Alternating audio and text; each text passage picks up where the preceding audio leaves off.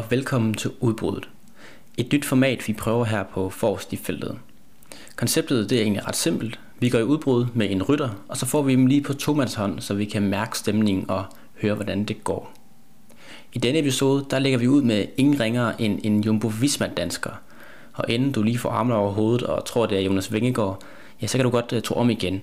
For du kan nemlig godt glæde dig til at høre Morten Nørtofts ret vilde historie i stedet for. Han kører på Jumbo Vismas udviklingshold. Prøv lige at høre, hvad han havde at fortælle. God lytter.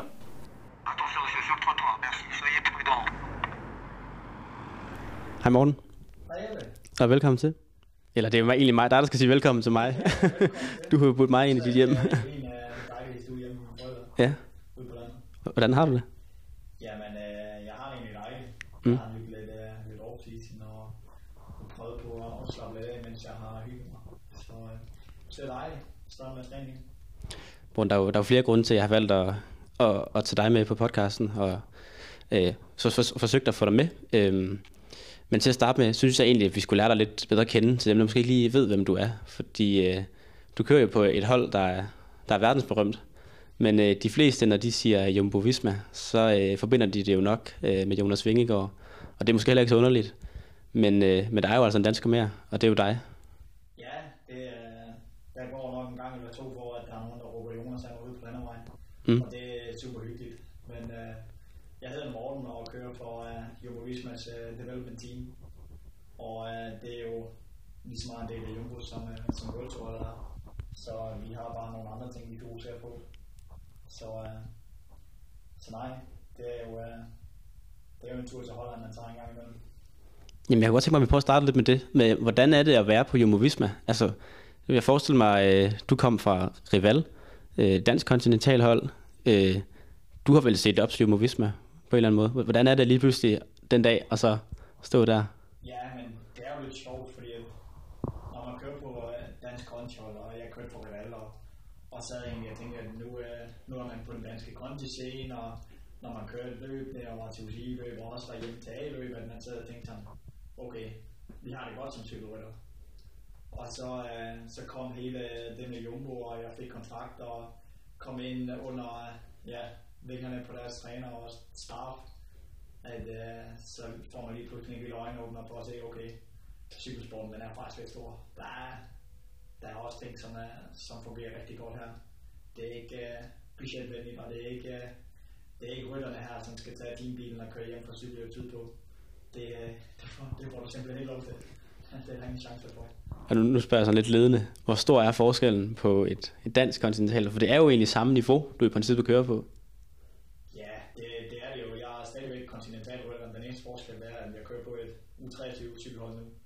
Så vi har rigtig mange unge cykelryttere, men ja, forskellen er jo, det er jo egentlig nemt at forklare, men alligevel meget svært, fordi det er ikke sikkert, at alle de faktisk ved, hvad det går ud på. Men øh, der er sådan en god ting, som jeg plejer at sige til folk, når de spørger, hvor stort det er, det er jeg ved, der er en, anden- en video på YouTube omkring uh, en rundtur på servicekurs på Jumbo. Og uh, det er jo lidt mere end bare plads til en bil eller, til, eller to. der er plads til et par busser eller fem, og samme lastbiler og biler og det ene og det andet. Og det er ikke unormalt, at du kan blive samlet op i uh, bil, som har nummer 20. det kan godt ske. Vildt. Så uh, det, er, det er meget normalt, når man uh, kører på Jumbo, at du lige pludselig kommer, og så er der det ene eller det andet, og så er der en ny massør med her, som du aldrig har set før, men uh, han har nu været på cykelhold i 10 år. så uh, du har bare ikke lige set ham før. så det, det er kæmpe stort simpelthen. Det er stort, og uh, vi har i hvert fald fået at vide, at uh, der er 200 ansatte Hold da fast. Jumbo, sammen med, uh, med dameholdet og World Tour holdet. Og is, øh, også øh, speedskating eller hvad? Ikke speedskating, nej. Det er foruden det. er Hold da op. kun. Hold da op. Men der er også en, der er en god chef cykler også på Holstebro, ja, for pokker. så vi har nogle dygtige mekanikere. Hvis vi skal prøve at blive lidt klogere på, øh, hvem Morten Nørsoft nu er. Nu kender jeg dig jo lidt, Morten. Øh, og jeg kunne sikkert godt sidde og sige en masse om, hvem du er. Men hvis du skulle prøve at fortælle lidt om, hvem du selv er som person, så folk kunne blive lidt klogere på det. Hvad vil du så, hvordan vil du så beskrive dig selv? ja, ja, men uh, nu sagde jeg, sidder herude ved mine forældre ude på landet. Mm. Det er måske en, en god ting at holde fast i. Jeg er en, uh, en god gammeldags jyde, kommer ud fra, fra landet, og er der vokset op i en faktor nærmest, kunne jeg have sagt. Mm. Men uh, man fået smag for at cykle og, og starte med det, stille og roligt. Egentlig ikke uh, braget ud af som ungdomsrytter, først da jeg blev junior, at uh, jeg egentlig begyndte at tænke, at uh, det er jo egentlig ret sjovt, det går lidt stærkt. Mm. og, uh, og så blev jeg jo senior og fik uh, ja, i april som første seniorsæson med kontrakt med Real, og øh, kørte øh, næsten to år på, på Conti der, og uh, egentlig fandt ud af, at øh, det her det er jo egentlig en rigtig sjov ting, og det er jo det, jeg gerne vil gøre. Og øh, jeg havde jo egentlig øh, startet en uddannelse som, øh, som tømmer, og gik på skole og havde været, haft læreplads, men øh, det blev jeg enig om her i, øh, det er jo 2022, det er jo længe siden, at, øh, at det måtte jeg sætte på pause for, for at jagte det her. Så, men det, uh, der gik jo ikke meget mere end fire måneder, fra jeg satte det på pause til, at jeg stod med en kontrakt med Jumbos øh, udviklingshold. Så, øh, så det er jeg jo forholdsvis glad for. Og synes også, at øh, nu med alle de øh, informationer og den viden, og så vildt som cykelsporten egentlig er lige nu, så, øh, så er det også lidt svært at skal have en fuldtidsjob ved siden af. Det, det er Ja. ikke rigtigt, at gøre, hvis du vælger 100 procent. Det er sådan en meget sjov historie med, hvis man havde en jumbo-rytter, der var, var tømmer ved siden af. Den, øh, Ja, det er ikke... Uh, det kan man ikke helt forestille sig. Nej, det kan man ikke. Nej. Så de er egentlig rigtig glade for, hvis vi uh, en gang man går i skole eller noget, Mm. de ikke, det er lige imod. Det, det støtter de. Men ja, de sætter også foden ned, når de skal. Ja. Så en, en landmand med hænderne skåret, skåret ordentligt på. det er ikke dem, der er flest af. Nej. Hvad, hvis du skulle prøve at beskrive dig selv som uh, rytter, hvis folk skal, det er jo altid rart at have de her kasser, så folk kan sætte ind i bås. Det, det er dejligt nemt for, uh, for nogen at forstå. Hvis du Ja, skulle øh, bestemme, hvad for en rytter du er, hvad vil du så sige? Hvis jeg skal bestemme mig nu, er jeg vil jo gerne en masse ting. Ja. Men, uh, jeg er jo nok uh, den ryttertype, som ikke er, ikke er den tungeste. Jeg har lidt let ved at komme op over de små bakker, men uh, jeg er ikke en decideret bjergrytter. Så uh, hvis vi skal ned og køre i Ardennerne, så, uh, så synes jeg, det er lidt spændende. Mm. Så, uh, så er lidt pontøragtigt med en, uh, med en fin afslutning. Ikke nogen spurt. Nej. Ja. Så er sådan noget kidsvej, hvis man skal forholde sig til noget dansk. Den har jeg da kørt på et par gange. ja, det er det. Jeg synes, uh, det fungerer godt, kører op Ja. Så, uh, så er kidesvejsrytter, det, uh, det kan man godt sige.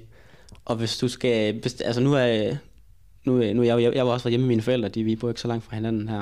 Og min far han så dig ude at træne her tidligere i dag, i, øh, i rigtig regnvejr, møgvejr. Altså, kan du godt sætte op til det her i Danmark? Det er jo ikke, fordi det er sjovest at være cykelrytter altid. Nej, men øh, jeg har sådan en lille ting, jeg rundt at sige, og det er egentlig, øh, det er noget, jeg begyndte at sige også efter i år, men øh, hvis man sådan teoretisk set går og synes, det er lidt træls hver gang det regner, og så tænker man over, at man bor i Danmark, men så man øh, vendt det om til, at man smiler og synes, det er sjovt at køre i regnvejr, så får du øh, 50% af hele dit liv, der bliver sjovt lige pludselig. det er forholdsvis meget, du kan... Det er meget sjovt at du kan få i resten af, af dit liv, hvis du bare smiler, når det regner. I stedet for at tænke, åh, oh, det er træls. Så jeg plejer at tænke, uh, hver gang jeg er ude og tage en cykler, så hvis det er lidt vådt, og selvfølgelig nogle gange er det ikke lige så sjovt, solen, som hvis solen skinner. Nej. Men uh, siger altid til mig selv, åh, oh, det er dejligt, nu skal vi cykle regnvejr, det er fedt. Det Det- godt. Det er altså et godt, øh, et godt citat. Det, det tror jeg, der er mange, der kan bruge videre. Attention, je suis sur le trottoir, merci. Soyez prudents. Morten, hvis vi, skal, hvis vi skal prøve at komme lidt ind på, hvorfor det også er, at vi sidder her i dag, og vi, vi, vi gerne vil snakke lidt med dig. Så har du haft dit første år her på, på Jumbo Visma. Du kom til fra Rival. Og jeg, jeg er vel ikke uh, ubehøvlet, hvis jeg siger, at det har været lidt af en møgsæson. Ja, det har været lidt af en møgsæson, og øh, det er jo det har været lidt af sådan en sæson, som øh, i rigtig mange tilfælde er det ikke noget, der bliver lagt mærke til. Mm. Og øh, det synes jeg måske egentlig er lidt en skam, fordi det er nok egentlig faktisk sådan en sæson, som jeg har haft, Mm. som kan skabe cykelrytterne. Mm. Og øh, jeg har haft øh, nu kan jeg ikke, jeg har nok ikke kørt meget mere end øh, 20 cykelløb i år, Mm. og øh, det er jo ikke, øh, ikke helt store Nej. så lidt bagud på timerne også. Men øh, det er, hvad der kan ske. Nogle gange så kan man ramme en skade, og du kan have noget sygdom, som du ikke kan gå udenom. Og så må du jo bare prøve at, at tage det bedste med dig. Mm. Kan vi, skal vi prøve sådan at, at sådan forklare, hvad der, sådan, hvad der sådan er sket i løbet af sæsonen? Øh, prøv at sætte ord på, sådan, hvad der simpelthen er gået galt. Er, gået For, galt. for det har været lidt ude af dine hænder, på en eller anden måde. Det, er, det er jo en meget god idé, så vi, vi kan jo egentlig starte med at, at tage fra vinteren af. Mm. Og, øh, jeg fik jo nye træner, og der kommer masser af staff og nye kostvejleder, nutritionist, som vi kalder dem til daglig, Mm. som, øh, som jeg begyndte at arbejde med, og, og så meget hurtigt resultater, og flyttede mig og blev bedre og bedre, og det hele, det var, det gik simpelthen bare godt, og rejse med cykelholdet, og, og gik øh, fra træningslejr til træningslejr, og, og jeg blev bare bedre, og det jo sjovt. Det, det er jo sådan, at alle drømmer om at køre i en vinter, at det hele bare går en vej. Mm. Og øh, da så den her vintertræningsperiode var færdig, og sådan at nu skulle at på cykelløb, havde den inden for, for rækkevidde, så kom jeg til Holland ned i vores teamhus. Og øh, der fik jeg også lige en gang influenza, lige øh, tre dage inden øh, løbstart. Det er klart. Så, så det var bare super fedt. Fordi at, øh, man lige havde følt sig så flyvende, og Ja. nu er man klar til at tage imod hele verden, og så, øh, så i. Hvad tænker man der, når man, altså man kommer på Jumbys, man tænker, man skal ud og sparke røv. Altså, hvad, tænker man så lige derefter? Ja, men man tænker jo lidt, at uh, først og fremmest, der var sådan, åh, oh, god timing, jo. Ja, Det, er- det er jo typisk, at det lige skulle være nu. ja, Men, uh, men det var jo bare, jeg tænkte jo med det samme, at okay, man bliver jo måske sådan lidt, okay, nu skal vi bare skynde os, nu skal vi videre. mm. Nu, uh, det, det, vi gider ikke være syge. Det, det er det sidste, vi vil. Så, men uh, nu var jeg det, så, så må jeg jo hellere gøre det, og så uh, blive kvitt. Mm. Så, men uh, det tog den tid, det tager. Og så må du starte stille og roligt op igen. Og, og, hvad sker der så efter den periode, hvor så du bliver syg for ja, influenza? Jeg blev syg lige i starten af marts faktisk. Ja. Og, øh, og det er faktisk i øh, en, øh, en 10 dage, tror jeg, hvor at, øh, jeg ikke kunne træne, og det var jo møg. Men øh, jeg kom jo ovenpå igen og, og fik så den første øh, cykelløb og sæsonstart. Debut som jumbo sammen med, Ja, du kører faktisk med World Tour holdet, Ja, altså med de store drenge ja. til at starte med. det var en god blanding, vi kalder det uh, The Young Ones. Mm. At, øh, at vi kørte øh, en halv World Tour hold og en halv øh, udviklingshold. Mm. i til Limburg. Og øh, det var super fedt, fordi det er nede på min hjemmebane, hvor jeg, jeg bor nede i Holland sammen med, sammen med nogle af mine kammerater, og, øh, og det var jo fedt. Og det gik jo, som jeg havde forventet. Det, øh, jeg udgik desværre, men, øh, Mm. men jeg havde lidt forventet, at øh, der ikke var så meget spil med, når man lige havde, havde været syg. Og, og det var jo egentlig fedt. Der tænkte jeg, nu vi startet, nu kører vi på. Og så tager vi bare det ene løb efter det andet. Og så kom jeg forholdsvis hurtigt til, til Sigfrid Salans og skulle køre, og tænkte, det er et cykelløb, jeg har kørt to gange med Reval, og vi har vundet det med Lukas Eriksen de to gange, jeg har kørt, så, så det er jo løb, der giver mig god energi. Ja. Og øh, det var jo, øh, det så jeg frem til. Men øh, på anden etappen, der kommer jeg hjem, og, og sådan, der havde vi gravet her. jeg tror, det var alle, der gravede lidt dybt. Mm. Den dag, øh, min gode kammerat Mathias Breinermann, han også øh, ender med at tage sejren. Så, øh, så det var jo fedt, at øh, der var lidt positivt. Men, øh, jeg endte jo med at, at lægge mig syg om aftenen øh, undervejs i cykelløbet og, og fik det dårligt. Og, og simpelthen hen over natten, jeg så bare ja, vildt, vildt dårligt. Det er længe siden, jeg husker, at jeg, jeg har sovet så dårligt med Jeg sov knap nok i løbet af natten. Mm. Jeg tror, jeg fik uh, to gange en time søvn om natten, og det var de to gange, jeg var over hotel smertestillende. Ej, Så uh, og vågnede der om morgenen og tænkte sådan, snakkede med min træner og min sportschef, at uh, ej, nu prøver vi lige nu prøver vi lige at spise morgenmad, se hvad der sker. mm. Og kom bare ned til morgenmadsbuffeten. Tager bare en portion og kigger ned på det der havgrød. og uh, ja, der, der kom ikke meget mere end en halv skefuld ind, Nej, for jeg det der, ja, huske på, op og lægge dig igen. ja. Og, øh, og sådan, øh, sådan var det jo resten af cykeløbet, jeg lå inde i hotelsengen, indtil jeg så kom hjem. Og øh, så blev jeg jo lige pludselig lidt klogere og lidt klogere og fandt ud af, at øh, jeg havde en øh, lymfeknude, som var hævet op Mm. i, øh, i lysken. Og øh, det tænkte jeg til at starte med, at okay, det, det ved jeg ikke, hvad det er. Mm. Det, den er hævet, den gør ikke ondt. Det, det går fint. Mm. Så jeg tog jo egentlig en fem dage fri, hvor jeg lige var, var syg og igen jo. Og øh, så kom jeg egentlig på cyklen. Og når jeg kører en, øh, det var vel en lille uge med, ja, lad os sige 80% træning intensitet. Mm. Og det gik jo egentlig okay. Det var ikke sådan, jeg var skræmt. Men øh, så var det som om, der skete et eller andet med den øh, lymfeknude, den var ikke forsvundet. Og den var faktisk blevet lidt større, og lige pludselig begyndte at gøre ondt. Mm. Og øh, når jeg siger, at lymfeknude er blevet lidt større, når jeg siger, at den var næsten helt op at være i størrelse af en golfkugle, Ja. som sad nede i lysken og fyldt. Det var sådan lidt uh, irriterende, når man skulle sidde på cyklen. Så uh, Men gør det simpelthen ondt også, at- at den var der? det gjorde den ikke til at starte med. Nej. Og, og jeg havde ikke nogen idé om, hvad det var. Og øh, jeg var til læge med den først, og ligesom sagde sådan, øh, jeg hvad det er, det Mm. kan hjælpe mig. Og så sagde de, ja, det er meget normalt, det kan ske, og det ene og det andet, ikke, ikke være bekymret for det, og sådan, og, og så var jeg det, og så fair nok, så gik vi videre, og så, så begyndte den jo at, at blive lidt rød samtidig med, at den begyndte at gøre lidt ondt, Mm. og så fik jeg jo noget at, at smøre på den, og se om ikke det skulle hjælpe, men øh, nej, der, der skete ikke rigtig noget, og, og så kom jeg jo en tur til, til Kolding sygehus til sidst, efter at have gået, der var måske gået to uger, hvor jeg har haft den her lymfeknude, Mm. og sådan, øh, ja, nu, er jeg ved at være træt af den, nu gider jeg ikke have den længere. Nej. Så, så kom jeg dernede, og øh, de troede, det var det ene eller andet. Men øh, sidste bekræftelse, det var jo, at det var en lymfeknude, og øh, den var bare lidt større end normalt. Mm. Og det var kun, øh, normalvis så er der flere, flere lymfeknuder, der kan godt hæve op og blive store. Mm. Men det er meget unormalt, at det bare er én lymfe, som hæver, Mm. har jeg fundet ud af. Jeg er jo blevet lidt af en ekspert, Ja. siger lægerne selv. Ja. Men, øh, men så kom jeg derned, og de, de vidste jo ikke, hvad det var. Men, Mhm. øh, men den var jo ikke særlig god, så de gav mig noget antibiotika og håbede på, at, at det kunne tage det. Men øh, hvis det ikke gik væk inden for en uge, så ville de alligevel sende mig videre. Mm. Hvad, hvad var de bange for, at det kunne være?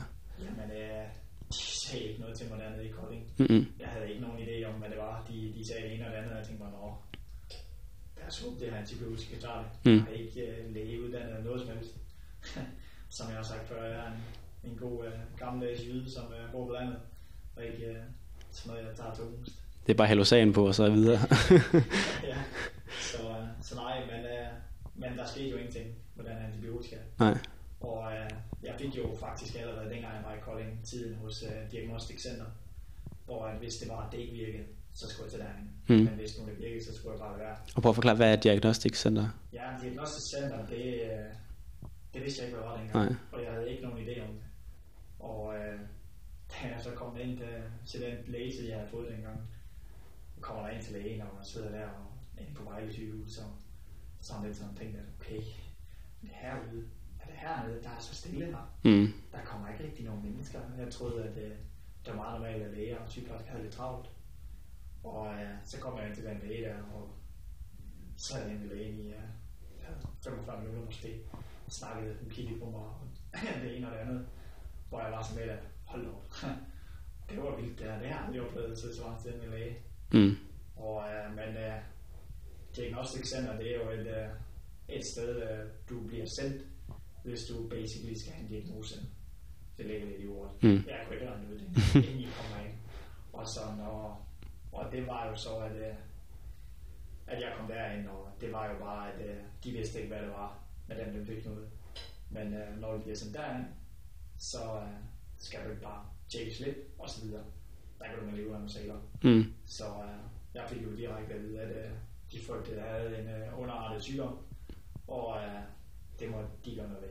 Så øh, jeg skulle have den fjernet. Så en, en underrettet knude simpelthen. Ja, Ja. Den, øh, i den lymfeknude. Mm. Mm. Det kunne være på grund af det, de havde ikke nogen svar på, hvordan den kunne være kommet. Så øh, de blev nødt til at komme med og sæler, så jeg skulle have den der knude fjernet og have den undersøgt.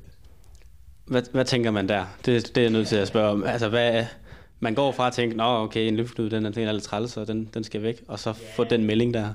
Det er jo, det er jo lidt sådan først, nu har jeg, jeg har skrevet lidt noter og sådan, at, øh, hvor at på den ene side, der måtte jeg virkelig arbejde med at acceptere, Mm. At øh, lige nu skal jeg ikke øh, ud at træne. Nu skal jeg arbejde med at sørge for, at jeg kan komme til at træne i fremtiden. Mm. Samtidig med, at der var en frygt, fordi at, hvad betyder alt det her? Det er ikke noget, det er ikke noget, jeg har prøvet før. Jo, jeg kender folk, som har været syge og det ene eller andet, men det er ikke noget, jeg har virkelig interesseret mig for. Det er jo ikke noget, jeg har lagt mærke til. Så, så lige pludselig er jeg stå i en situation, hvor at folk de, øh, de tror, man kunne fejle noget. Der tænker jeg lidt sådan, hmm, okay, jeg tror lige, at jeg må ringe til min mentaltræner Mm. og, og, og sige det til hende. Mm. Så, øh, og der fik jeg jo at vide der, dengang jeg var færdig med at have været inde i Diagnostic Center og kom direkte ud og så ringe til hende, at øh, Nå, har du været inde alene? Mm. Det er jo ikke, øh, det er ikke noget, man plejer. sagde hun. Nej. Det er meget normalt at tale med, når man kommer på den afdeling i sygehuset. Ja. Og der var sådan, jeg tror det professionelt. Mm. Det, det var nok for det, for det bedste, at jeg gjorde det. Ja. Så, men, øh, men øh, ikke så meget øh, mere på det, når, når du så kom derind, og jeg fik at vide, at, at de frygtede det og det, og, og så øh, skulle det fjernes, det fik jeg at vide. Så gik det forholdsvis hurtigt derfra. Det Mm. med, at man har hørt rigtig mange ting med, at øh, med sygehusvæsenet, at åh, så er de langsomme, og så kan du ikke få tider og sådan. Der tager jeg alligevel hatten af. Det var lige over pinsen, men øh, fra jeg fik den tid, der gik der to arbejdsdage, så jeg forundersøgelse til øh, operation. Så gik der to arbejdsdage, så blev jeg opereret. Mm. Så det gik rigtig, rigtig hurtigt. Der, der, der fik jeg følelsen okay, for lige at uh, i det første del af perioden, der været sådan lidt, de kunne ikke rigtig fortælle noget, de kunne ikke rigtig gøre noget. Nej. Det tog sin tid, og jeg måtte vente, og jeg måtte vente. Og der, der skete der noget. Og så gik det hurtigt. Hvordan var det så, at det gik så hurtigt efterfølgende? Altså, var, Ja, var det det- bero, hjælp, hjælp det? Dengang, at den skulle fjernes, det var jo, at jeg fik jo at vide fra start, at uh, når den der knude den blev fjernet, så skulle der gå en uge, før de havde svar Mm. for om jeg fejlede et eller andet, eller hvad det var. Og, og det var sådan, at jeg tænkte jo der sådan, okay, folk bliver opereret, så finder jeg ud af, om jeg kan hurtigt begynde at cykle igen, eller om jeg skal noget andet. Ja. ja. Og, øh, og så fik jeg jo fjernet den der lymfeknude, og, og når du får fjernet den lymfeknude i lysken, det er jo faktisk det, som, øh, hvor det er, at jeg blev mest overrasket i hele det her forløb. Den der helingsproces Mm. lymfeknuder, og især når man kan være ung nogle gange. Nogle folk, der kan det være of cake og hele på sådan en lymfeknude der, Mm. der bliver fjernet. Men sådan for at sætte almindelige folk ind i det, som ikke ved det, lymfeknuder, de transporterer væske rundt i kroppen. Og øh, den væske transporterer de rundt, når du bevæger dig og bruger musklerne. Og som øh, sportsmand, cykelrytter, der hele tiden er vant til at lave noget, altid gerne vil øh, bevæge sig og elsker at gøre det, til at øh, man får at vide, at øh, jo mere du bevæger dig, jo langsommere går det. Mm. Det var lidt irriterende. Ja. Og øh, det sad lige med lysken, så jeg kunne ikke rigtig gøre noget. Jeg kunne bare ligge ned. Ja. og helst ikke, øh, det kunne også være lidt fint at lige sidde lidt op en gang imellem, så jeg for lige at bevæge mig lidt. Ja. Så, øh, men, øh, men det er jo simpelthen svært at skulle hele for den der. Ja. Og den første uge, der, der lagde jeg ikke rigtig mærke til så meget. Det gjorde lidt, lidt ondt efter operationen og sådan, men, det er jo efter en almindelig operation. Vidste du godt der, at, at, det var, at der ikke var noget i det? Eller var du stadigvæk u- uklaret der? På dagen på operationen, der, der vidste jeg ingenting. Nej. Dagen efter også heller. Der gik, der gik den uge, der Ja. gik syv dage fra jeg blev opereret, til at jeg fik svar. Så du ligger i, i princippet ned øh, og heler, og, og du ved ikke, hvad der er sket, og ved ikke, I en hel uge. og ved ikke rigtig... Wow. Ingenting. Lave sofaen. Så er sådan, at øh, jeg har jo øh, garn i og det ene Mm. andet, der tracker mig sådan, okay, jeg skal helst ikke over 500 skridt om dagen. Mm. Det er simpelthen for meget. og det er jo 500 skridt, det er jo ingenting. Nej, og du havde fået slået den fra, så den ikke bippede hele tiden, og sagde, jeg kom nu, rejs dig op. Og... Det havde jeg ja, ja. Så, øh, men, øh, men heldigvis gik den uge, og det gik okay. Og øh, så fik jeg svar. Mm. Og øh, der var ingenting. Nej. Jeg havde ikke fundet noget som helst. Og, øh, og det er jo super fedt, at øh, de ikke gjorde det. Fordi at det var ligesom sådan, Ja. det var en lettelse. Mm. Men på den anden side, der var jeg også sådan lidt, ja, men der var ikke noget. Men jeg sidder stadigvæk her med hul i hoften. Mm. Jeg kan ikke cykle endnu. Mm. så, så jeg har ikke, jeg har ikke helet. På den måde er det ikke bare gået, gået i orden. Det er ikke gået over. Nej. Det, det er jo egentlig det, som, som har været med hele den der tålmodighed, du skulle have. Samtidig med, at du skulle acceptere, at det her, det tager bare tid. Mm. Og det var det, jeg fik at vide fra start, at det kan være, at det tager tid. Det kan være, at det tager en måned, Mm. sagde de. Men jeg har også været sådan lidt, fordi de sagde jo, det kan være, at det tager en måned, medmindre der kommer komplikationer. Men uh, det der med komplikationer, det har jeg måske ikke været god nok til at spørge ind til. Mm. Eller så har de måske forklaret sig udenom, og måske tro på, at så en fyr som mig, der er 20, jeg var 20 år på det tidspunkt, at, at det kunne ske, at det ville tage lang tid. Mm. Men øh, det endte jo med at blive en rigtig uh, pain, det der med at skulle få det der sår til hele, Mm. for det ville det bare ikke. Det, det tog mig helt videre. Hvor lang tid går der så før det sådan er, er gået helt i sig selv igen, og du kan begynde at sådan genoptage hverdagen som Det cykelrytter? til hverdagen. Ja. Jamen, øh, jeg har skrevet ned her, at øh, det var den 7. april, Ja. hvor jeg blev syg nede i, øh, det Frankrig. Mm. og, øh, og rejse hjem, og det er jo egentlig der, at, øh, at den kommer, den der lymfeknude. Og øh, så er det, øh, for at sætte øh, lytterne ind, så den 16. juni, Mm. Det er to måneder og 10 dage senere, at, øh, at der havde jeg min første træning igen. Så du har simpelthen haft to, måneder, to og en halv måned næsten, hvor du ikke har kunne cykle. Og øh, Overhovedet. Det, som, Lave noget. Det, som lytterne skal vide, det er, at jeg siger første træning, Mm. men det var det ikke.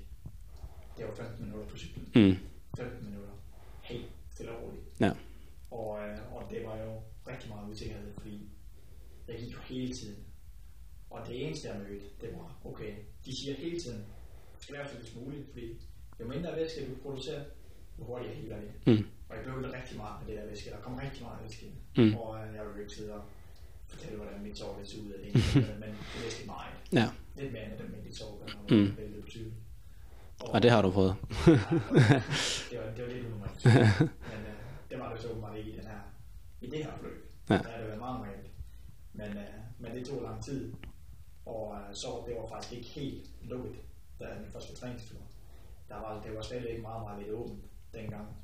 Men, øh, men det var så okay, og jeg har været meget tæt samarbejde med sygeplejerskerne, fordi at så det havde, det har været, det er jo ikke fordi, at det er et sår, hvor det er, at du bliver sendt en hånd ind i mig. Men øh, det var alligevel så seriøst, det sår der, og det var så seriøst et sted, at jeg har gået til lægen et sted mellem fem og øh, tre gange i ugen Mm. i øh, rundt to måneder. Mm. Og øh, det er sådan lidt nederen. Ja. Men øh, man hele tiden blev tjekket og tjekket, og begyndte at kende øh, personalet ude i Vejle forholdsvis godt. Kendte mine favoritter, kendte helst Linde. Ja. Og, øh, og det, øh, det var jo lidt specielt det der. Men der må, der må man gøre så meget med det sår der, fordi det var så vigtigt, at det hele på den rigtige måde. Mm. Og at såret ikke skulle, skulle lukke for oven, at det skulle helt nedefra.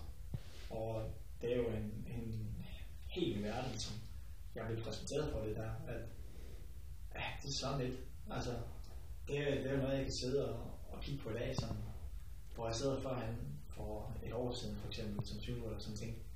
Ja, der kan, hvis jeg vælger, der sker noget. Jeg skal nok komme over det, sådan lidt, og hvis nogen brækker en arm, det klarer du. Mm. Men sådan en lymfeknude, at det kan være så seriøst. Ja. Det er jo, det kan jeg håbe over. Hvad har, man, har du lært noget af det på en eller anden måde? Jeg, jeg har lært helt vildt meget. Mm. Hvad? Jeg har lært helt vildt meget om, øh, hvor vigtigt det er at, at passe på din sorg. Mm. Og, og hvor vigtigt det er, at, at hver gang du får bare det mindste godt i teori, at, øh, at det kan virkelig være afgørende for din helingsproces. Mm. Hvordan du kan, hvordan, hvad du gør ved det. Og så videre, så videre, hvad du ligesom, det, det du ikke at, at glemme det. Selv hvis det er en lille sår på fingeren. Mm. Og øh, det er vigtigt at tage sig af det, fordi det er din krop. Og øh, man siger, ja, jeg er ung, jeg er, nu er jeg ikke 20, men øh, jeg er helt hurtig. Det er den myte, jeg har hørt hele Ja, ja, ja. Jeg skal nok gå. Det skal Ja. nok gå, ja. Men øh, så kommer man igennem som jeg har været igennem endnu. Og så tænker hmm, den her krop, den skal jeg have resten af mit liv. Jeg må hellere på ikke? Ja. Og, og sådan lidt, så, så det er faktisk virkelig vigtigt, at uh, du er god til at tage dig af de sår, du har været igennem. Og her der er det jo et sår, jeg har fået, fordi at jeg skulle have fjernet en lempeknude. Så det er jo en operation, der er lavet, så det er jo rigtig dygtige læger, der har opereret mig sørget Mm. for, at det skulle gå bedst muligt. Og jeg har virkelig mødt meget, altså stor hjælp, og de har været virkelig hjælpsomme. Men lægerne kan være nok så dygtige, men hvis kroppen din ikke kan finde ud af det, Mm. så kan den ikke finde ud af det. Nej. Og kroppen din kan kun finde ud af det, hvis du passer på det. Ja. Så, så det tager jeg med mig. Og ved, at øh, hvis der sker noget, så er det bare med at lytte. Og øh, lidt det samme, hvis øh, man er ved at komme ind i andre skader, eller hvis man er ældre, og måske er lidt usikker på, hmm, skal jeg gå til lægen eller ej. Ah, så skal man have en tjek. Ja. Det er vigtigt at sørge for, at, at kroppen den fungerer. En ting er, at man skal øh, bearbejde, at man øh, ikke kan komme ud og cykle, men ikke kan komme ud og træne. En anden ting er jo også, at der udefra er en masse mennesker, der... Ej, Morten, han kører for Imovisma. Morten, han, øh, han skal bare ud og sparke noget røv. Hvor- Hvordan er det at, at være i det samtidig med, og som, jeg forestiller mig, man opretholder vel på en eller anden måde en eller anden facade over for dem, som, som spørger, mens man selv ikke ved noget som helst. Øh, man vil jo egentlig bare gerne ud og køre cykelløb, men man, man har noget bagved, der, der ruder. Hvordan er det at være i det? Jamen, øh, det med at være i det, hvor at alle folk sidder, der er rigtig mange, som jeg, jeg vil ikke rigtig sige, at de forventer det, Mm-mm. men folk tror på. Folk tror på, fordi jeg kører for Jumbo Visma. Mm. Det er jo, Og vel også med god grund. Altså, du har haft ja. en, en rigtig god sæson. Der, der, var, der var rigtig mange gode takter. Altså, der var ikke noget, der sagde, indikerede, at du ikke skulle kunne gøre det godt på Jumbo Visma i din første sæson, vel? Nej, og det er jo egentlig lidt det, at alle bliver ligesom, hver gang de ser mig, og, og tænker, okay, okay, ja, det kan være det egentlig, det kan være det næste cykel, kan lave. Ja. Det kan være det nu, han, Mm. mm. han øh, laver gennembrud. At, at det er jo det, folk de tror på. Og, øh, og jeg, jeg mærker det egentlig meget også i min, ja, nu kan jeg jo sige vennekreds, Mm. i de folk, jeg har lidt tættere omkring mig, at øh, jeg, har, jeg har skrevet ned, at, øh, at forerne de bliver skældt for bukkene på et tidspunkt i dit liv. Og i det her tilfælde, der var det her. Mm. Og øh, alle dem, som jeg kender, og jeg har nært, som betyder noget for mig, de ved, alle de ved alle sammen godt, at de gør det, fordi det er dem, som var der for mig, dengang alting virkelig, Mm. virkelig var super fedt. Og, og det er jo der, hvor jeg kunne, jeg mærke lidt sammen, okay, det er måske ikke lige uh, de her, at jeg vil være sammen med dem. Det er ikke dem, jeg giver mig positiv energi. Nej. For det er noget, jeg arbejder rigtig meget med, fordi at, hvis ikke det giver dig positiv energi, når du ikke har noget positivt i løbet af dagen, sker, Mm. når du sidder og egentlig bare venter på, at du er syg, så bliver du nødt til at finde den positive energi. Og var det svært? For nu sagde du tidligere, altså hvis det regner, så er det bare med at vende, og så 50% af dit liv, det bliver meget bedre. Ja. Men er det, altså, er det ikke også lidt svært at tro på, når man ligger der? Når, Ja. når du ligger der, ja, det er noget, jeg sidder og siger, Ja. og, og kan smile af hver dag faktisk. Ja. Men sandheden er jo også bare, at vi er alle sammen mennesker. Mm. Men øh, vi må gøre alt, hvad vi kan, hver især, så meget som vi har lyst til, for at prøve at gøre det bedre. Og for mig, der, der er der slået en tungt, Mm. fordi at det med, at ja, jeg kunne sætte mig udenfor og nyde solen. Jamen, til at starte med, der sad jeg og bare tænkte, ja, jeg kan sætte mig udenfor og nyde solen. Mm. Ja, men oversat for mig, øh, for mit sprog, Mm. jeg kan sætte mig udenfor og sidde i fængsel. Mm. Fordi jeg kan kun sidde ved stolen, jeg kan sidde og kigge ud på alt det, jeg godt kunne tænke mig at gøre. Ja. og, og det var jo, det var egentlig ikke det, som, som uh, jeg, jeg gerne ville, fordi det var ligesom, åh, det gav sådan en indbrændthed, at åh, jeg vil bare gerne ud. Ja. Jeg vil så gerne, jeg vil så gerne. Ja. Og når du sidder og begynder at tænke i det der, det, det er der sikkert rigtig mange, der kan relatere til, at de sidder og tænker, åh, oh, jeg vil så gerne kunne gøre sådan, Ja. jeg vil så gerne kunne gøre sådan, men du kan ikke. Nej. Det er bare, det er ikke, det kan du ikke bruge til noget. Så, så det jeg fandt ud af, og i samarbejde med min mentaltræner, det var jo, at hvis jeg kan gemme de ting væk, hvis jeg kan gøre noget, som flytter mit fokus Mm. bevidst hele tiden, så hver gang, at jeg møder en situation, hvor at, der er kommet noget, hvor det har været svært, Mm. der er jeg sådan sagt, prøvet at sige til mig selv, det er virkelig svært, men det, det lykkes jo nogle gange. Men hvad kan jeg gøre nu for at ændre fokuset? Mm.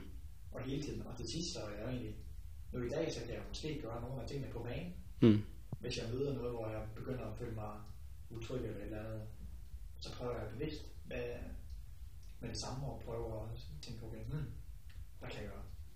Og det kan være alt fra gå op øh, over og læse en bog, eller gå op se en film, eller spille øh, spil på sin Playstation, eller computeren, hvad man ender til. Mm. Det kan være alt. Det, det, det er fuldstændig ligegyldigt, hvad du gør.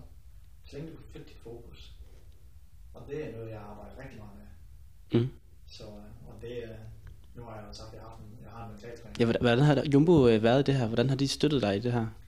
Jamen Jumbo, de har, de er jo, jeg har ikke noget som helst andet end positivt at sige om Jumbo. Mm. Men øh, jeg nåede også et tidspunkt, hvor at, fordi vi har mange trænere, Mm. vi har mange folk inden over os, så jeg nåede et, et tidspunkt, hvor at, okay, nu har jeg behov for at bare være mig selv. Mm. Simpelthen ikke behov for at skal være i kontakt med træner hver dag. Nej, Det jeg ikke. det kan man godt forstå. Det kan, det kan jeg ikke håndtere. Nej. Så, og der sagde jeg jo, at øh, nu sagde jeg med min mentaltræner, og det er ikke nogen hemmelighed, at det er, det er Christa Skelde, fordi at, øh, jeg har jo Michael som, øh, som manager, Mm. og øh, det er noget, han tilbyder, og det er jeg er super taknemmelig for. Det, hun har simpelthen været, været dygtig til at guide mig og hjælpe mig, og også dengang, at jeg nåede dertil, hvor at det blev svært med kommunikation, da tog hun over for mig. Mm. Så jeg bare ringede til hende og fortalte, okay, hvad sker Hvad er på ting? Mm. Og så fortalte hun det videre. Fordi det kan jo blive lidt med den nogle gange, så skal jeg ringe til din chef, Mm. så skal jeg ringe til din træner, så skal jeg ringe til den ene, den anden, den tredje. Og så lige pludselig, så kommer jeg hjem og har været på sygehuset. Og så kommer din uh, mor eller far og spørger, hvordan det er. Mm. Og så sidder du bare sådan, Og så er der sådan en irriterende en som mig, der også skriver til dig en gang imellem. Og, ja, og der er så mange folk, som spørger, ja. hvor jeg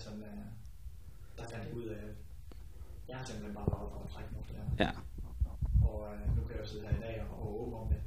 Fordi det er jo det, jeg har været igennem. Men, øh, men det er sjovt, at man kan lære sig selv. Hvordan er det egentlig nu at få lov at fortælle? Altså, fordi med- udefra set, hvis man kigger over din pro cycling stats, som er, som er tit er udslagsgivende for, hvordan man uh, tænker om uh, cykelrytter nu til dags, så tænker man, uh, okay, ham der, han har da ikke haft den bedste sæson. Hvordan er det så at kunne sætte nogle ord på, Ja, og og så give lidt perspektiv på det? Jeg synes egentlig, det, det er virkelig spændende det her, fordi at, at øh, den her skade, der det har været, det, det er lidt af en omgang. Mm. Selvom at det egentlig ikke har været så vildt. Det er måske bare heller ikke så meget inde og skal tale om sin skade. Mm-mm. Men øh, ja, jeg vil, ikke, jeg vil ikke sige, at jeg har haft værre end nogen andre. Jeg vil så ikke sammenligne mig med nogen som helst. Det, jeg har min, min oplevelse her, og øh, den har jeg oplevet på en måde, hvor jeg tænker, hmm, der er mange ting, jeg kan tage med herfra. Mm. Og rigtig mange ting, jeg har lært. Nu har vi snakket om rigtig mange ting, som har været svært, og som man må prøve at gøre ved det, og, og så videre, så videre. Men jeg kan, jeg kan sidde her i dag med stor confident og sige, at den sæson, jeg har haft i år, den betyder meget, meget mere, end hvis jeg havde vundet 10 cykeløb. Mm. Så vil jeg hellere have den sæson, jeg har været igennem, end at, have vundet 10 cykeløb. Lad os sige, at jeg har vundet U23 VM. Mm. Jeg vil hellere have været det igennem, jeg har været i år, end at vinde alle de cykeløb. Fordi at du så ved, at så kan du komme igennem alt på en eller anden måde. Fordi jeg sidder her og, og jeg har skrevet, at altså, det, som jeg har oplevet nu, det er bare pakket direkte ned i rygsækken, Mm. og det ligger helt over ryggraden. Og den rygsæk, den har jeg med mig resten af livet. Mm. Alle de ting, jeg har været igennem, når jeg får det svært, og så videre, så videre, så ved jeg med mig selv, okay, jeg har prøvet det her. Hvad skal jeg gøre for at takle den her situation, som jeg ikke, jeg ikke ved noget om, Mm. som er, er usikker.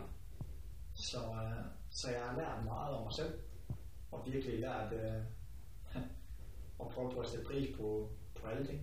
Mm. Det kan være lige fra det med, når man sidder som sportsøger og konkurrencemenneske. Du kigger på resultatlisten for det her cykelløb, du vil sidde og se derhjemme og tænker, åh, oh, jeg vil gerne have vundet, jeg vil gerne gå til 10, jeg vil, jeg vil være med, jeg vil vise, at, øh, at jeg også kan. Mm. Til at jeg sidder og siger, den der, det der, åh, oh, jeg vil gerne. Så sidder jeg og siger, åh, oh, det er fedt det her. Ham der kender jeg, han, han gjorde det godt. At, øh, at alle mine konkurrenter, jeg, altså, jeg har prøvet at sætte mig ned og, og ikke, og bare være glad, hvis jeg har set nogen øh, lave resultater. Og, og set et cykelløb, hvor jeg sidder og tænker, åh, det er spændende her. Mm. Det bliver sjovt, hvis jeg skal prøve at køre den gang. Det bliver øh, kun spændende, hvis man, øh, man kan sætte sig ned og blive glad for de ting, der sker rundt sig. Fordi, nu skal jeg ikke fortælle noget om, hvordan det er for alle andre. Men, øh, men i hvert fald for mig, hvis du tænker positivt om alt andet, så bliver du jo bare glad. Så kommer man langt. Og øh, det er der nok mange, der vil være enige i, at hvorfor skal man gå rundt og være negativ, hvis man kan være positiv? Mm. Det er meget sjovt at gå rundt og smile. Og der er jo også noget at smile af, Morten. For du har jo kommet, du kommet fint ud af sæsonen jo. Du kørte en række danske løb, hvor du har været fint med, og så kørte du jo også på Ritur øh, U23-løbet, hvor du bliver 13'er, mener jeg. Ja, det er godt. 13'er, tror jeg, du bliver. Øh, Altså, var det ikke, er det ikke rart at komme ud af sæsonen på den måde også? Altså, have det i bagagen, som du siger, jeg har haft det tæt på ryggraden, men, men ligesom også formået at, at få det ud af det, man nu kunne. Fordi to måneder, hvor man slet ikke kan træne, og så skal starte fra nul der, det, er jo en kæmpe, kæmpe stor hemsko. det, er jo ikke, øh, det er jo ikke nemt, når man har lagt meget, og ja, man kan sige, at man stopper i to måneder. Mm.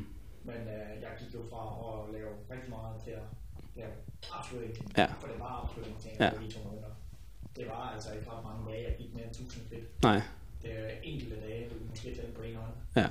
I to måneder, hvor jeg er gået mere end 1000 skridt. Det er jo ingenting. til at lige pludselig jeg skulle begynde at, at træne op igen. Og jeg fik jo så at vide, at jeg skulle prøve mig frem. De kan ikke love, at det gik godt. Og øh, så på min første cykeltur, som det var 15 minutter.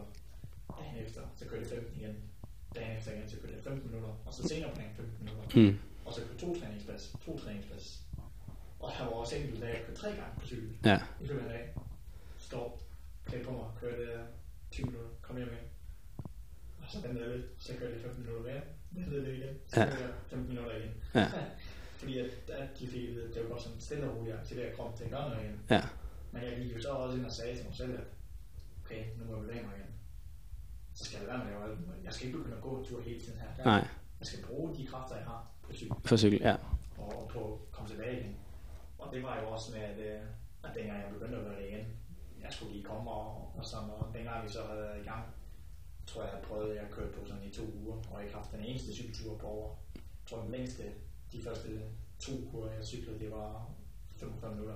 Ja, det er ikke meget. På, i, på, to, på to uger, der den længste cykeltur, jeg har haft, var 45 minutter. Ja, Jeg har måske haft øh, ja, totalt øh, 14 cykelture. ja, Eller ej, ikke 14, det er jo det dobbelte af 14. ja. 28, 28. På, øh, på to uger. Ja, Og, øh, og jeg har ikke cyklet 45 minutter i et hug. men, men så derfra, satte vi jo meget, der, eller det har vi været igennem mange gange, var en træner, igennem det der, okay, hvad kan vi måske prøve, og nu gør vi sådan sådan. Ja. Men derfra, der var det en plan. Og der satte vi jo også, nu ser vi på Paris Tours, at der gik det godt. Det var jo lige for den dag, hvor vi lavede den plan, så måske har været omkring 1. juli, mm, han sagt, okay, hvad har vi at løb til sidst på året? Okay, Paris Tours, det er det sidste løb, vi har på Jumbo Development, at uh, det er sidste cykelløb, vi kører. mm, Der vil jeg køre finalen, mm, og så vil vi se, hvad der sker. Og det hele jo bare ud af det. Det var virkelig med at være tålmodig Mm. igen, fordi hvis du kørte, for, hvis jeg havde gået ud, og så første uge i min plan, altså bare kørt 20 timer, 25 timer, så var det helt knægt. ja, Det er stille og roligt fra, jeg tror jeg startede min første træningsuge med 10 timer på en uge. mm, Min første rigtige træningsuge. ja, Stille og roligt op 10, 14, 16, 18, 20. Stille og rolig opbygning. Mm. Virkelig stille og roligt for stille og roligt at komme i gang. Og så det gik jo godt, og til sidst gik det jo så godt, at vi tænkte, okay, nu tager du til Holland, og så håber vi på, at du kan cykle lidt. Og det kom jeg jo. mm, Og kom på, at jeg fik at vide, at jeg skulle køre drejningskurs af Egmont. Tog et et løb faktisk. mm. Og sagde, åh, Au. ved, og ved, at øh, når jeg gik ind på ruterne, sådan en drejekurs, der var jeg sådan lidt, åh, godt ske, det bliver lidt spændende. Ja. men, øh, men Egmont, det var helt flad, så der tænkte jeg, okay, så kan jeg bare sætte liv. Ja, Så skal jeg nok klare den. Og Ja, ja. drejekurs, den blev så for hård, og der var bare ikke, jeg var ikke god nok. nej, nej. Jeg, var, jeg, jeg gjorde hvad jeg kunne, men øh, man blev så til sidst. Og så fik jeg lov at gennemføre. Og, øh, men så dagen efter, der kom jeg mig allerede og, og gennemføre og kørte, jeg tror, det blev næsten nummer 30 eller nummer 32 Ja. måske. Lidt til sidst, når jeg ved det ikke, når der var sådan lidt, okay, det var sådan lidt øh, overraskende. Mm, Og øh, så så er jeg der på, på turen hjem fra det cykelløb, og så havde jeg planlagt, der var med, jeg kørte med min træner mm, og sætte mig på en togstation. Og øh, så sidder vi og næsten og snakker sådan, åh, det kan godt ske, at det her cykelløb, det passer godt, øh, tabte vi i Italien og sådan lidt. Wow, nu snakker vi, nu går det, nu går det fremad. nu begynder det at, at ligne Så kom jeg hjem til, til det der teamhus, vi har i Holland. Dagen efter og følte lidt som, at øh, jeg havde lidt ledslag og sådan, eller hvis det gik, hvad der skete. Og så dagen efter, så vågner jeg bare igen. Så er bare dårlig igen. Ej. Syg igen. Ej, Og så øh, skal jeg høre til min træner, hvad sker? Jeg er syg igen. ej, Så ah, det er nok en god at tage en coronatest i forhold til start. Og Ja. Er det, der var nogen, der skal ture til en af Sonjøs og sådan noget. Så, ja, og så er jeg corona jo. og, øh, og hvor det kommer fra, det, det kan man jo snakke om. Jeg går nu med sådan nogle øh, forholdsregler, Ja. mundbind og en rejse og en og det andet. Ja. Så det kan basically kun have været, når jeg var ude at handle, at ja, ja. jeg har kunne få det. Ej, det er også, det er fandme også ærgerligt. med ja. og øh, det var sådan, det var, ikke? Mm, ja, ja. Og på det tidspunkt, da det slog hårdt, men jeg var sådan, okay, corona, det er ingenting. Jeg har, Du har- Jeg har lige været igennem noget, Mm, som, som har været lidt tungere end det. Så fint nok, jeg bliver her i Holland, sidder alene nede ude. Der er ikke rigtig nogen, der kan komme og besøge mig. Men, øh, men man kommer over det, og så øh, dengang jeg var begyndt at træne igen, så var sådan, så kiggede jeg på kalenderen og sådan okay, hvad kan jeg gøre? Fordi jeg fik at vide, at øh, jeg skulle bare køre Grand Prix Cerami mm, 30. september. Og så var jeg sådan okay, et cykelløb, egentlig, tilbage på kalenderen. ja. Hvad kan jeg gøre? Okay, der var tre, tre mulige A-løb, der kunne til at køre. Mm, Og så, øh, så satte jeg mig ned og, og planlagde lidt, og, og sådan, fordi at vores planer har lidt sådan, at vi skal kunne forklare, hvad vi vil. mm, Og hvis ikke vi har en god forklaring, og hvis ikke det giver mening, så er der no chance, så, sker det ikke. mm, Så, så jeg satte mig ned og kiggede på tingene og planlagde og sagde, sådan, og så ringede til min træner og sagde, hmm, der er sådan og sådan og sådan, kan det blive en mulighed? Og øh, så sagde han, ja, det er super fedt, at det kan lade sig gøre, fordi det er lidt lavere niveau, selvom at der bliver kørt rigtig stærkt i Amerika. mm, så det er lidt mere overskueligt, end når du kender. Ja. Det har jeg mange gange før. Så, øh, så det gjorde jeg. Jeg tog hjem og, og fik lige ja, halvanden uge hjemme og kørte, øh, kørte tre A-løb. Og det var jo øh, super fedt at få lov at komme og køre en mand mod øh, hele. Mod resten. det, øh, og jeg prøvede sådan lidt at, at køre til nogle af mine, ja, det var jo kammerater, nogle af dem også. Der er ingen alliancer, når man kommer i gult tøj. Og det var sådan, at jeg prøvede at sige til folk, at "Ah, jeg er så vild fordi jeg er flyvende. Nej. Det er sådan set derfor, jeg her. Hjælp mig lidt. Jeg er ikke rigtig god form. Men øh, der er nogen, der troede på mig. Nej. Men øh, det viser sig også, at jeg er kørt lidt stærkere, end jeg selv har troet. Ja. Så, øh, så det var jo øh, det var jo fedt. Det gik godt til de A-løb, og det var lidt svært at vinde, når man var en mand mod tykt hold. Ja. Men øh, det er jo lidt taktisk årsager. Attention, suis sur le trottoir, merci. Soyez prudents. Ja, og så skete det, der ikke måtte ske. Optageren den løb øh, simpelthen tør for plads, men øh, Morten og jeg, vi snakkede kun et par minutter mere. Det er, hvad der sker. Men øh, jeg har lovet Morten at gengive, hvad vi sluttede med, og, og her er det planerne for næste år, der fylder. Morten han vil rigtig gerne ud og give den gas. Han har noget, han skal bevise, føler han, og det føler han så egentlig også overbevist om, at han kan. Han kan ikke på nuværende tidspunkt sige noget om sit program, da det ikke er fastlagt endnu. Næste år det skal altså bruges på at bevise sit værd, så han kan enten forlænge med Jumbo Visma, eller gøre sig bemærket på forhåbentlig et andet World Tour hold. Det var alt for denne gang. Tak fordi du lyttede med. Vi arbejder på flere rytterhistorier, så vi kan få flere gode snakke med dem, vi skriver og taler om. Mit navn det er Jeppe Peschardt Assenholt, og jeg har produceret den her episode. Og så sidst, til sidst vil jeg lige anbefale dig at gå ind på vores Spotify-side og følge os. Så går du nemlig aldrig glip af en episode. Vi bestræber os på at lave indhold til mindst to gange om ugen, så du har lidt til øregangen. Indtil vi lyttes ved igen, så må du have en fantastisk god dag Hej.